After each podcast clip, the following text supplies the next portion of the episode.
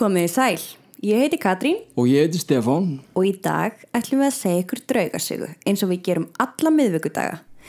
En fyrst smá skilabóð til áskrifenda varandi heimsókn okkar í höfða á föstudaginn var. Utan ríkisráðuneytið gaf frá sér yfirlýsingu á sínum tíma þar sem þeir gáttu hvorki neitað nýja staðfest að það væri draugagangur í höfða. Við Katrín getum nú árið 2020 hvort tvekja staðfest og sannað að það sé draugagangur í höfða.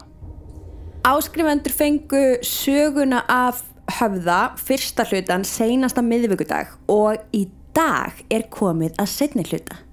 Þar deilum við með ykkur okkar upplifun, sönnunum og myndefni.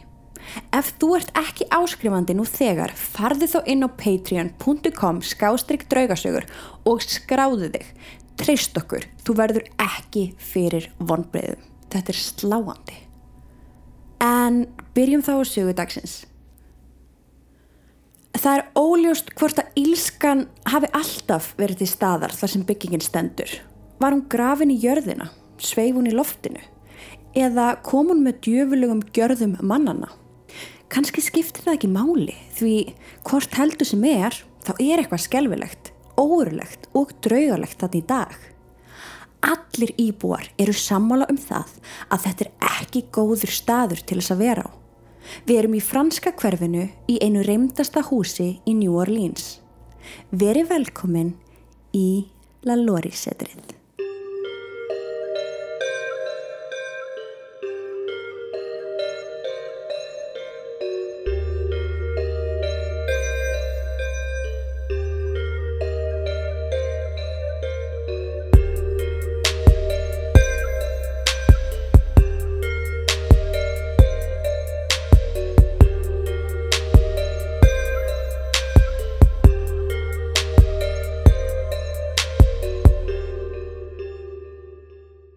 Eins og ég hef sagt áður, þá finnst mér mikilvægt að við vitum hvar sagan okkar er að gerast. Algjörlega. Og franska hverfið er elsta hverfið í New Orleans. Þannig að það er fyrir eitthvað fínt og sögulegt, húsin eru elegant, stór með frönskum gluggum á alla kanta, gödurnar eru snirtilegar og bílarnir eru dýrir. En það er dekkri hlið. Það hefur verið mikið um dauða og eigðileggingu í New Orleans í gegnum árin og ber franska hverfið merki þess. Fyrsti kirkjugarðurinn var búin til þar og hann er ábyrrandi. Hann er fullur af hrollveikjandi graf hísum ofanjarðar. Já, á flestum stöðum er dauðanum haldið úr auksín. Við viljum ekki vera stöðugt mynd á að við séum ekki ódöðlega verur. Að líf okkar taki enda fyrir það síðar. En New Orleans er undantekning. Ekki af því þeir vilja það, heldur af því þeir þurfa að vera það. Býtu hvað áttu við samt? Og ég leiði mér að útskýra af hverju New Orleans er kölluð borg hinnar dauðu. Fyrst þurfum við að vita að New Orleans er staðsett aðeins undir sjávarmáli vegna þess að vass yfirborðið er nokkuð hátt. Hér áður þegar að evróskir landnumar grófu kistur ofan í jörðina cirka 6 fet komist þeirra því að vass yfirborðið myndi hækka yfir kistuna sérstaklega þegar það kom flóð sem gerðist mjög oft og þar sem kisturnar voru fullar á lofti ítti vatnið þeim stundum upp í gegnum jörðina sem allir bæði óhugnalegri sjón og hreinlega bara heilsufarslegri hættu. Já, maður getur rétt ímynda sér að því að þarna eru sjúkdómar og alls konar sem á ekki að vera á yfirborðinu. Einmitt. Ok, þannig að til þess að halda kistunum neðanjarðar þá tóku þeir á það ráð að bora hólur í kistulokið til að hleypa út lofti. Og kisturna voru fylltar með grjóti og sandi. En þetta hefnaðist aðeins að hluta og í öllu falli rótnuðu líkin ekki almennilega og sum þeirra komu aftur upp á yfirborðið sem enn og aftur var hræðileg sjón og hættulegt heilsu bæjarbúa.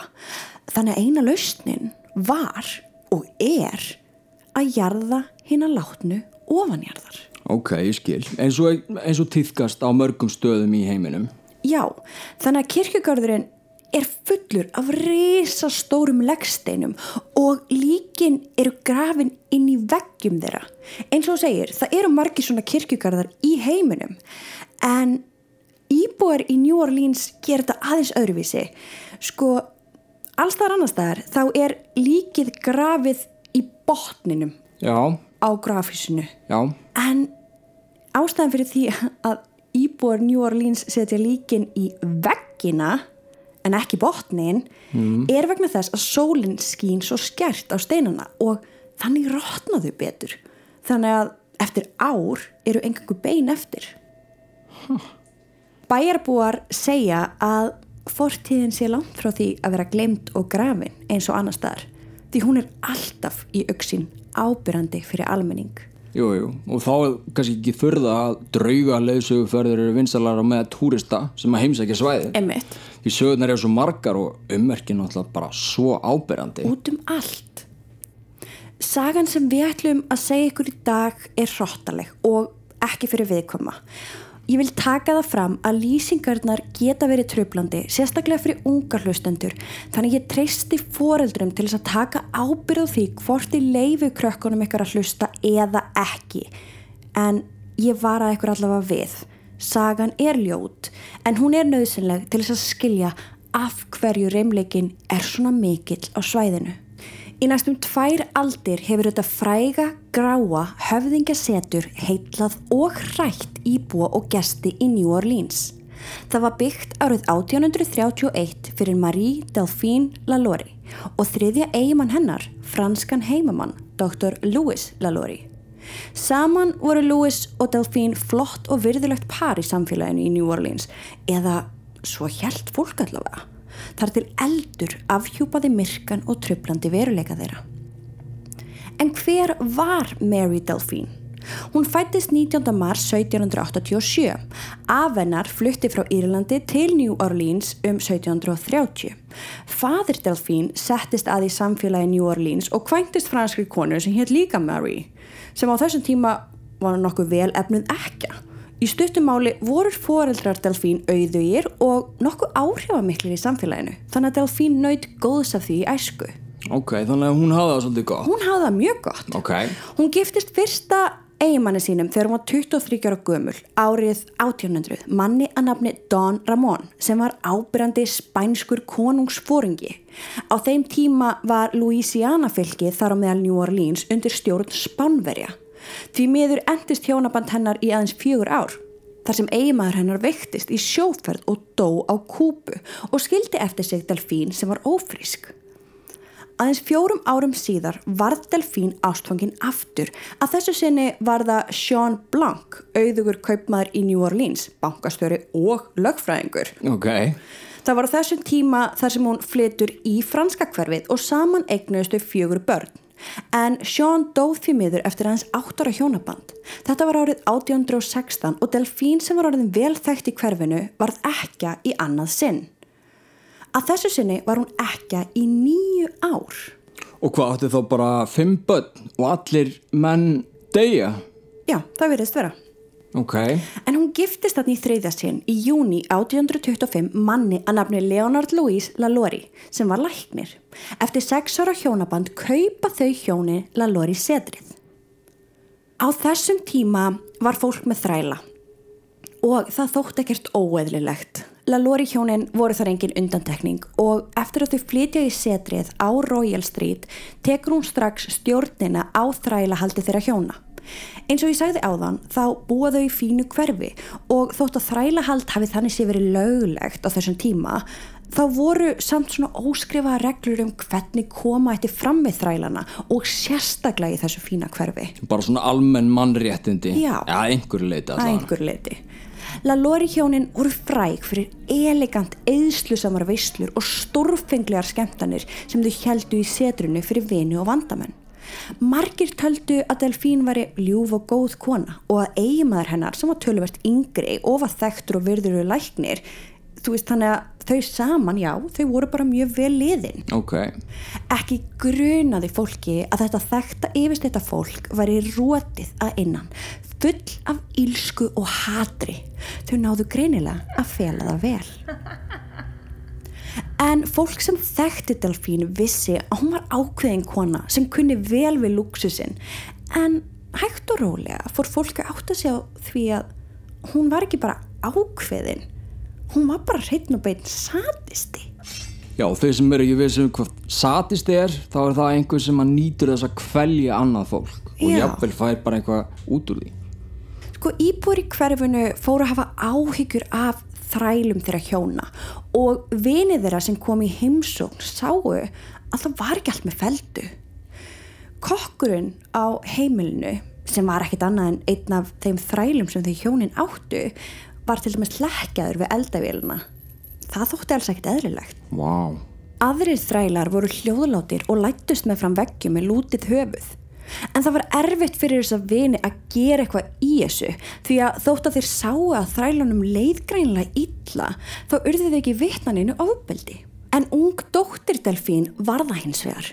Eitt kvöldi fekk hún nóg af þessari ílsku móðu sinnar og hún læðist fram og reynir að leysa kokkin frá eldavélinni en hún var gómuð og henni refsað í kjölfarið. En árið 1833 var fólk vittni af Delfín hlaupa á eftir lítilli þrælastúlku með svipu. Litla stúlkan sem var greinilega skelvingu lostin hleypur eins hratt og hún getur frá Delfín upp á þak setursins og síðan sást ekki til hennar meir. En fólk var vissum að henni hafi verið hrind niður nú eða lamin til dauða. Loksins var atvik sem hægt var að kæra til lögreglu því þarna voru vittni sem gáttu öll staðfest sömu sögu. Lögreglan mætir á svæðið en Delfín neytar sög. Eftir umfangsmikla leit finna þeir lík stúlkunar falið í brunni en það sem ekki var hægt að sanna að Delfín sjálf hafi drepið stúlkuna fekk hún engungu sekt fyrir atvikið og skipun um að selja alla þræla sem voru í hennar vörslu. Henni var bannað að eiga þræl. Delfín gerði í kjölfæri þær ástafanir að hún let aðra fjölskyldumæðlumi, frængur og frænda kaupa þrælana sína og í skjóli næturs laumaðist hún með þá aftur í setri sett, heldum í felum og mistrymdi þeim. Það var ekki fyrir nóttina 10. apríl 1834 þar sem sannleikurinn kom í ljós. Delfín og Louis voru að halda einu sínum frægu og fínu veislum í setrinu. Húsið fylltist af fólki, glæsilegar veitingar voru á borstólnum og nóg var að dýru víni. Það kom til tals að ómögulega hefði Delfín sjálf geta búið til allan annan mat og séð um skreitingar án þess að fá hjálp frá þrælum. Hún hliti að eiga minnstakosti einn eða tvo þrátt fyrir að hún mætti það ekki. Allt í einu fyllist húsið af reik og gestur kemur öskrand út úr eldúsinu og tilkynni fólki að það sé eldur og að hann væri að dreifast um hratt. Fólk panikaði og hljóp út úr setrinu og endanum var húsið orðið tómt, eða svo hjælt fólk allavega. Slökkvuliðið var látið vita en á meðan setrið brann vildi Delfín að veislunni erði haldið áfram utan dýra. Hún skipaði hljóðfæraleikurum að spila áfram og hún held áfram að bjóða upp á vín á meðan eldúsið hennar brann og fljótlega tók fólk eftir að eldurum var komin að gamla þrælahúsinu þeirra hjóna þar sem þau höfðu geimt þrælana þegar þau máttu eiga þá. Engin vissi hvað þau hjónin geimtu þarna núna en fljótlega fóru gestur að hafa áhyggjur af því að mögulega væru enn þræla þarna inni þóttir væru kannski ekki margir. Það var spurning sem af hverju hún er svona ákveðin í því að halda partíin áfram gangandi. Einmitt. Er hún að reyna, þú veist, cover up bara, nei, nei, hættum að spá í húsinu. Þannig að það, nokkri menn tóku sér saman og brugði á það ráð að brjóta sér leið inn í þrælabústæðin til að aðtöku hvort að einhver væri að inni. Delfín og eiginmaður hennar mótmæltu þessari aðgerð harðlega og reynda að telja fólki trúum að enginn væri inn í húsinu en gestir voru ekki sannfærðir. Mennirnir íta þeim hjónum frá og brjóta sér leið inn í setrið. Reykurinn var svo mikill að þeir sáu ekkert en þeir gefast ekki upp. Loksins koma þeir að hurðinni sem leiti að þrælabústanum og saman náður að brjóta hana upp en þeir voru ekki viðbúnir því sem tók á móti þeim. Þarna inni voru ekki einn eða tveir þrælar eins og fólki hafði grunað. Það voru týjir þræla, kramdir saman í pínu litlu herbergi. Þeir detta í gegnum hurðina og á mennina sem byrja skelmingu losnir að draga þá út úr byggingunni einn á fætur öðrum. Gestirnir á götunni öskruðu þegar þeir sáu einn, tvo, þrjá, fjóra, tíu, tuttugu þræla skrýða út úr byggingunni. Á flesta þeirra vantaði útlimi, hendur eða fætur. Þeir voru allir bláir og marnir, menn, konur og börn. Einn af þrælunum var með risastórt gata á enninu þar sem maðkar og önnur sníkjudýr skriðu út úr. Margir þeirra voru nær dauða en lífi og það var greinilegt að þeir allir höfðu verið sveltir og pintaðir í marga mánuði. Gæstinnir hópuðust saman og hjálpuðu þrælunum frá húsinu. Margir rífa af sér klæði til þess að vefja utanum konurnar og börnin sem voru flest nakin og brend. Á meðan gestir voru annars hugar að björgunastarfi laumuðu slalóri hjónin aftur inn í húsið og lokuðu sig af. Ég tek það fram, veist, eins og þú veist Ebbi, mm -hmm. þetta er náttúrulega risastórt hús. Þetta er gríðarstórt. Og eins og þú sagði mér, veist, þetta er eiginlega bara eins og margar litlar íbúðir einhvern veginn. Já, þetta er eins og bara íbúðarhúsnaði en á þessum tíma var þetta bara hennar hús, bara allt saman allar hæðir og öll herbyggi. En ef við myndum sjá það í dag þá myndum við sjá það sem bara svona íbúðarhúsnaði, blokk. Þannig að þótt að hafi verið eldur í eldúsinu og í þrælabústanum þá var ekki allt húsið, sem að brann. Nei, þannig að þau gátu farið í rauninni annar staðarinn Já. og falið sér annar staðar. Akkurát Við steppi höfum brallað ímislegt saman í gegnum tíðina og þó við séum þannig fólk að við viljum gera allt sjálf þá vitum við að stundum þarf maður fagmann í lið með sér. Eins og til dæmis þegar að koma ljósmyndun fyrir fatalínun okkar front, nú eða það nýjasta, þegar okkur vantaði drónavídjó af höfða. Við vitum að gæði skipta máli þegar kemur að því að auglýsa vörur og fyrirtæki og þegar maður vill ramma inn minningar þá vill maður að myndirnar séu faglega unnar og helst að enginn tæki eftir því að börnin hafi sullið á fínu fötin sín eftir að hafa verið í þeim í fimm mínútur. Við kennum það. Við þurfum fagmann í verkið þegar kemur á fjölskyldumyndatökum. Þar geta verið krefjandi. Þess vegna höfum við verið í nánu samstarfi við Kristvin hjá Iceland Photo. Þegar ég fór til hans fyrst fann ég hvað maður þægilegur í samskiptum því hreinskilinslega það finnst mér mjög óþægilegt að láta taka myndir af mér. Hvað þá í stúdíói uppstilt? En hann let mér líða vel. Þetta var ekkert þvingað og ég fekk að taka minn tíma sem ég fannst gott. Brúðkaup, skýr, tónleikar, fermingar, fjölskylduða barnamyndatökur, Kristvin hjá Iceland Photo er eitthvað maður. Þú getur bóka tíma hjá honum inn á kristvin.com eða á Instagramunans undir nafninu iceland.photo. Slökkviliðið kom loksins á staðinn og slökkti eldin. Það var þá þar sem þeir komu auga á gamla konu sem var greinilega þræll, keðjuð við eldavélina inn í eldúsinu. Hún var sót svört af reik og kyrfilega föst með þungum keðjum. Þessi kona viðurkendi fyrir slökkulismönnum og gestum að hafa kveikt eldin í sjálfsvíks tilraun til þess að enda þjáningar þrælana sem höfðu lifað í helvíti sem þau hjónin höfðu skapað. Slökkulismennir klippa keðjurnar af konunni og hún leiðir mennina að þungum eigardyrum sem voru faldar efst í þröngum stegagangi. Það var ekkert handfang á dyrunum, bara lás, alveg efst uppi. Þeir brjótu purðina og lyktin sem tekur á mótið þeim er rótin. Þarna inni voru lík þræla hangandi í loftinu með keðju utanum hálsin. Útlimir þeirra voru fastir við veggin frá einum enda í það næsta á þann hátt að á lokum hafa þeir greinilega ripnað af. Ég get ekki sett það í orð hvað fannst inn í þessu þrönga herbergi en þið getur rétt ímyndað ykkur. Þrælarnir voru greinilega eign þeirra hjóna og þeir hafðu greinilega verið lokaðir inni í marga mánuði, lifandi með þeim dauðu. Við frekari rannsókn og vittnisspurð eftirlifandi þræla höfðu þau hjónin Pintau og Leonard Louise eigimæður Delfín sem var læknir hafði framið alls konar aðgerðir á þeim sem oftast leitu til dauða. Já, þau voru bara eitthvað að leika sér að búa til alls konar svona tilraunir eins og að sauma útlimi á þessum þrælum við aðra líkamslöta á fólki. Oj. Þau voru bókstallega, bókstallega að búa til svona mannlega þúsundvætli. Það sem þau fjarlæði húð af bakinu á fólki til þess að myndi svona þúsundvætli og þar með taka fætur og hendur af til þess að sjá þau einhvern veginn mjaka sér áfram. Samkvæmt frásögnum voru fórnulömpin karlar, konur og börn. Konurnar og börnin voru gemd í búrum, keðjuð við rimlana og það var greinlega búið að misnúta sumar konurna kynferðislega. Öllum þrælunum var sapnað saman og þeir voru fluttir á sjúkrahús en flesti þeirra letust á leiðinni eða á spítalunum. Það voru ekki margir sem lifiðu af því þóttum hafi verið bjargað og brennandi húsi var ekki þar með sagt að það væri hægt að gera að sárum þeirra sem Lalori hjónin höfðu valdið sko þessi atbörðarás er að gerast bara á einu kvöldi og fólk varð brjálað mm -hmm. En hvert fóru svo hjónin?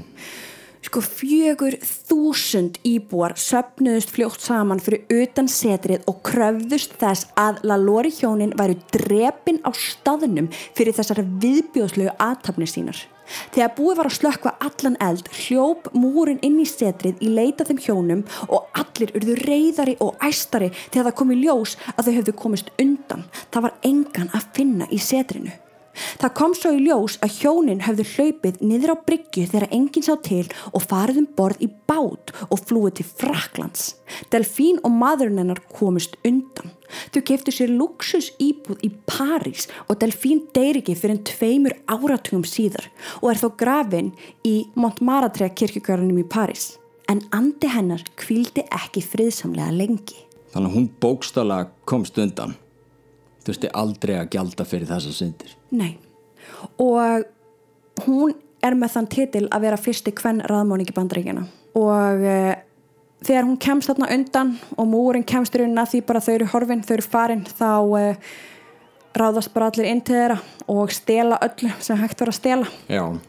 Eftir þetta allt saman stóð húsið aukt í niðurnýslu og næstu því samstundis var setrið vettvangur draugasagna þar sem fólk greindi frá því að heyra pyntingar öskur í þrælunum óma um gödunar í kringum mannlust húsið.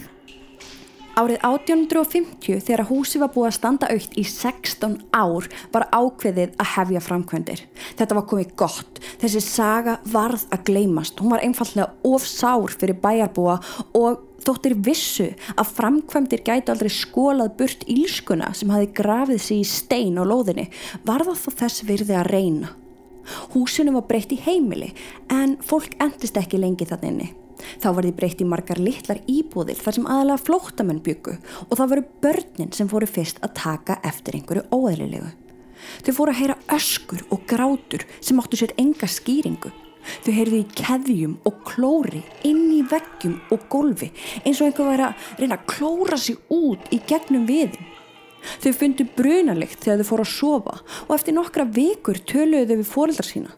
En þeim var að sjálfsög ekki trúa þar sem foreldrarnir höfði ekki upplifað neitt sjálfur þetta var bara ímyndun og barnaskapur. En þá skulum við muna að börn eru miklu opnar heldur en við og eru það alveg allt til 12 ára aldurs. Þannig að hlustum á þau og trúum þeim Einmitt En allt þetta breytist nótt eina þegar að fulltrúi frá bænum kom í heimsó til þess að aðtuga aðstöðu flótamannuna. Bara til þess að aðtuga hvort það væri ekki allt í lægi, þetta var bara regluleg heimsókn og alls ekkit óðurlegt. Okay. Hún gengur inn um hörðina og ætlar að fara upp stegan en hún er stoppið af. Í miðjum steganum setur stór maður í keðjum og hann horfir á hana reyður. Henni snögg bregður en verður síðan reyð sjálf og skipar honum að færa sig hann setur sem fastast. Þá ákveður hún að fara fram hjá manninum og þegar hún stýgur á þrepið sem hann setur á, ítur hún í hann til þess að láta hann færa sig svo hún komist upp.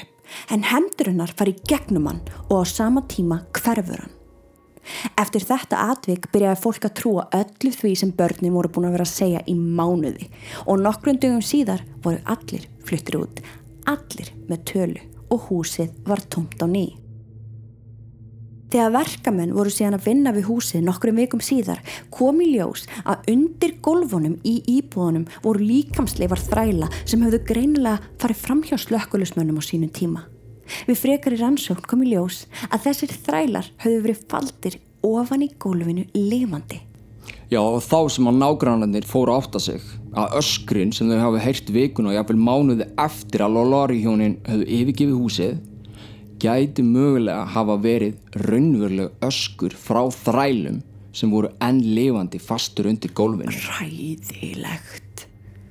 Á einum tímapunkti hýsti byggingin grunnskóla fyrir stelpur. Kennarar urðu áhyggjufullir yfir því að draugur Delfín Lalaurie væri að ráðast á nemyndur í tíð og ótíma. Ungu stúlkurnar fengu mar og klór og nokkrar fengu líkamlega áverka sem líktist helst sveipuhöggum sem eru nákvamla eins og áverkarnir á þrælunum sem fundust á sínum tíma. Skólinn var fljótt færður í aðra byggingu. Árin liðu og nýjir íbúar komu og fóru en eins og fyrr stoppaði fólk stutt við. Ótal andar hafa hrellt íbúa húsins í gegnum árin og sögurnar eru taldar í hundruðum. Einn íbúi segir frá því að hafa orðið fyrir árás inn í íbúðinu sinni af nögtu manni sem var fastur í fjöturum. Önnur ung fjölskylda segir frá stórum svörtum skugga standa við barnar um dóttur þeirra.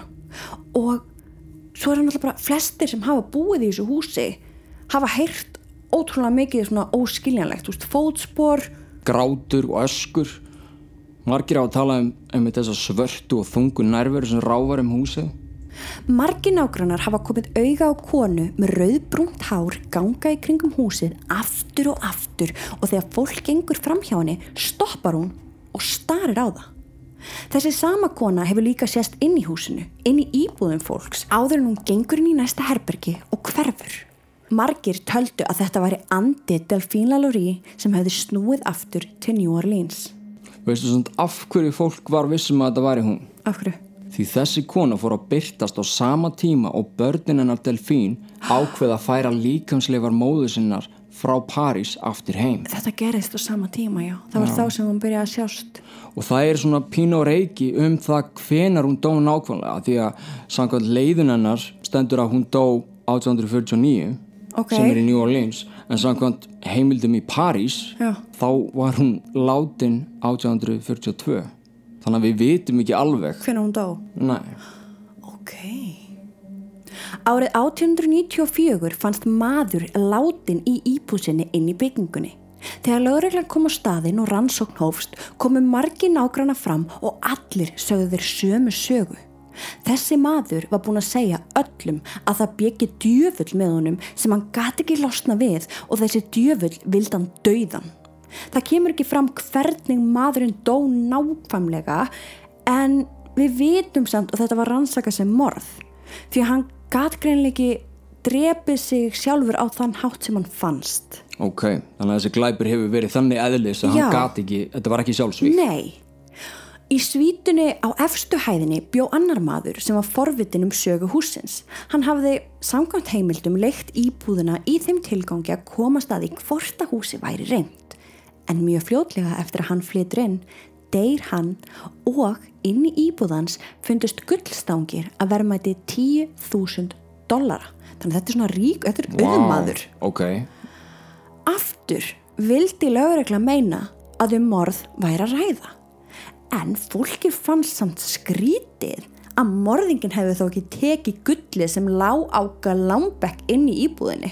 það er mjög skrítið Þetta, þetta var svona, greinilega var glæpurinn þannig að, að þetta gæti ekki verið sjálfsvík Já. á einhvern hátt, þó við vitum ekki meir, Þetta var morð en þú veist. Það tækju allir guldstangin ekki? Jú, jú, jú, jú Svona held þetta áfram í gegnum árin. Fólk misti heilsuna um leið og það fluttin í gamla setrið. Einn íbúi endaði á geðvegrahæli og annar þeirra veikt snögglega og fjall í dá.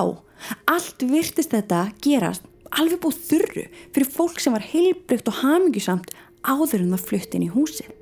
Já, frægast eigandi húsins er auðvitað Nicolas Cage Já, En hann keifti setrið rétt eftir fellibilin Katrínu já, Nokkrum árum síðar var hann gjaldþróta og missir þá húsið og allt sem hann átti í New Orleans. Hann átti þetta bara í tvö ár. Hann, ætla, hann, sa- hann átti þessi draum sem sagt. Hann ætlaði að skrifa einhverja horror skáldsögu. að er það? Já, en hann segir sjálfur, ég komst aldrei í það að byrja. Nei, og svo missir hann þetta bara, aldrei út Já, Stúlka að nafni Annie bjó í húsinu með foreldru sínum um eitthvað skeið. Hún segir frá því að oft á tíum þegar þau sneru heim úr búðinni eða úr kirkju þá var búið að færa til húsgögnin þeirra. Hún mani þetta vel af því að foreldra hennar voru alltaf fyrðu losnir. Hver gæti verið að færa borð, stóla og hillur inn í íbúðinni þeirra sem var alltaf læst þegar þau fóru út. Annie var eins og öll hinn börnin sem höfðu búið í húsinu í gegnum tíðina. Hún heyrði öskrin og grátin inn í veggjónum og hún grát bað pappa sinn um að fá að svo með ljósinn kveikt því hún var bara svo hrætt. Eitt skiptið þegar hún er að ganga heim úr skólanum lítur hún upp og sér þá stelpu setju på þakkinu á húsinu. Hún sá hann ekki vel en kannaðist ekki við hana í fljótu bræði og hún sem held að hún þekkti öll börnin í byggingunni. Hún vissi hvernig átt að komast upp á þak þótt hún mátti það ekki og þar sem foreldrar hennar voru ekki heima ákveður hún að laumast upp bara að sjá hver sér stelpa væri. Þegar hún opnar þakurðina og lítur í kringum sig sér hún engan. Hanna grunar þá að stelpan hafi farið niður og hún leitar á stegaganginum og í gardinum úti en hún sér engan. Hún pælir því ekki í því meir þann daginn. En um nóttina vaknar hún við barnsgrátur. Það var svo sem ekkert óeðrilegt. Hún var vön að heyra grátur og öskur og sem betur fer leifiði pappinar henni að sofa með ljósinn kveikt og opna hörð. En núna var gráturinn samt skýrari en áður fyrr. Hann var hærri, ekki eins og hún var vön að heyra. Það var eins og hann væri raunverulega inn í herbyggin hennar. Hún likur grafkir í rúminu og þorir ekki að reyfa sig. Hún setur sangina fyrir augun og lokar þeim fast. Hún veit að gráturinn mun hætta á endanum. En í þetta skipti var þann herri og herri og þegar hún heldur að gráturinn get ekki orðið mikið herri án þess að vekja foreldrinnar heyrir hún einhvern öskra henni. Svo verður það hljótt. Hún leikur grafkyrr en tekur síðan sængina frá augunum og litast um herbergið. Hún heyrir ekkert, hún sér ekkert og hún þakkar guði fyrir að ljósi sig kveikt og að svefnherbergishörðinarnar sé opinn. Hún heyrir einhverja hreyfingu og hún er vissum að þetta sé pappin er að koma af því að það gati ekki henn að veri en að foreldrarnar hafi vaknað við grátin sem hafði ómað um íbúðina nokkru mínutum áður. En pappinar kemur ekki. Hún stendur upp og gengur í dýragættina og þá heyrir hún það. Það er einhver að snökta, lágt. Það er einhver að gráta. Það er einhver að gráta bak við hurðinennar. Hún frýs. Það er einhver inn í herbergininnar. Það fyrsta sem henni dettur í hug er að hlaupa inn til fóröldra sinna en hún veit að pappina verður reyður að vera vakinu um miðjanótt. Hann er að fara að vinna í fyrramálið og hann þarf ekki að því að halda að vera vakinu af dóttur sinni í hysteríukasti. Hún bakkar tvö skref aftur á bak og dregur djúftin andan.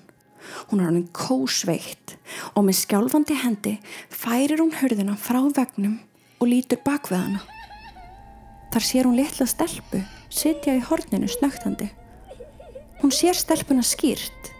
Þessi litla stelpa er dökk á hörund í ripning kjól á tásunum. Hún er með andliti í höndum sér svo Annie sér ekki framann í hana. Annie beigir sér niður og færir hendina hægt í átt til stúlkunar. Bara til að spyrja hana hvað sé að, hver hún sé, hvernig hún komst inn. En á sama augnabliki lítur stelpan upp og öskrar Please don't! Og síðan hverfur hún. Dæin eftir þegar Annie er að ganga heim úr skólanum sér hún stelpuna aftur upp á þakki en í þetta skipti veit hún hver hún er. Þetta er litla stelpan sem var í herbyggin hennar. Þetta er stelpan sem er ekki til í alvöru. Þessi litla stúlka helt áfram að byrtast Annie þau áren sem hún bjóða þetta með fjölskyldunni sinni. Annie vissi að þetta væri draugur en hún þorði ekki að minnast einu orði um þetta við fjölskylduna sína. Þau flytja lóksins í annað hús og það virðist vera að litla stúlkan hafa orðið eftir í setrinu því Annie sá hana aldrei framar. Það minnir mann svolítið á hana Líu sem er einmitt stelpan sem að Lalori var sögð það var eldaðna alveg upp á þak sem að kvarf sem Þetta hún endur nú- aðan. Þetta er náttúrulega örgla hún sko. Já, Já, og við vitum hvernig þessi saga endar og við Einmitt. vitum hver örlug hennar urðu.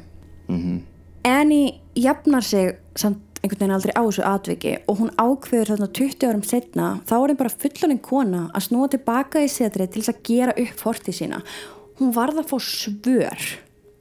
Hins vegar um leið að hún gengur inn í bygginguna er hún slegin í rót aftanfrá og missir meðvitund. Vittnisspurður hennar þótti vera trúanlegur og hún hefur talað, deilt sögu sinni með fólki sem vill heyra og fólki sem hefur heimsótt húsi í þeim tilgangi að ná sambandi við framleiðina anda. Þannig í rauninni, hún fjekk í rauninni aldrei neitt svona closure, hún, hún ætlaði að fá það. mhm. En í rauninni fekk bara fleiri spurningar. Slegin í rót, ég meina hversu ótrúlega öflugur þarfst að vera til þess að geta gert það við lífandi mannesku. Var ekki möguleiki að einhver hafi bara gert þetta inn í byggingunni Að sjálfsögðu, Þa, getum- það er alltaf, Já, já. alltaf hægt sko, en þessi vittinsbyrði þótti það trúverður. já, að fólk var bara Já. Í dag býr kona að nafni Lisa Hadley með móður sinni og saman hafa þær búið þarna í 12 ár. Þar sem þetta er hansi stórt hús, þá hugðist Lisa breyta neðstu hæðinni í skrifstofu því af hverju að leia skrifstofu annar staðar þegar það er hægt að eiga skrifstofu heima hjá sér. Auðvitað. Hún byður bróður sinn um aðstöða við að koma í stand og einn daginn er hann að setja upp faxtæki fyrir hana. Og þeir ungu hlustendur sem veit ekki hvað faxtæki er, Já. þá er það bara svona skjala sendingatæki með prentara. Já. Þannig að þú setur basically inn blað í tækið, stimplar einn símanúmerið hjá viðtakanda og þá prentast út á þeirra enda. Ég vona samt einhvern veginn allir veiti hvað faxtæki er. Já, ég vona það. Að kvöldi dags ákveður Lísa að prófa faxtækið. Hún átti tvö þannig að hún setur blað inn í annað þeirra og skrifar á það Hæ Lísa. Hún stimplar henn númerið og gengur að hinu faxtækinu þar sem blaðið átt að prentast út. Það heyrast smá læti á meðan á vinslu stendur en síðan eins og hún áætlaði prentaðist út skjalið. Hún brosir ánægð með að allt virki en þegar hún tekur upp blaðið bregður henni.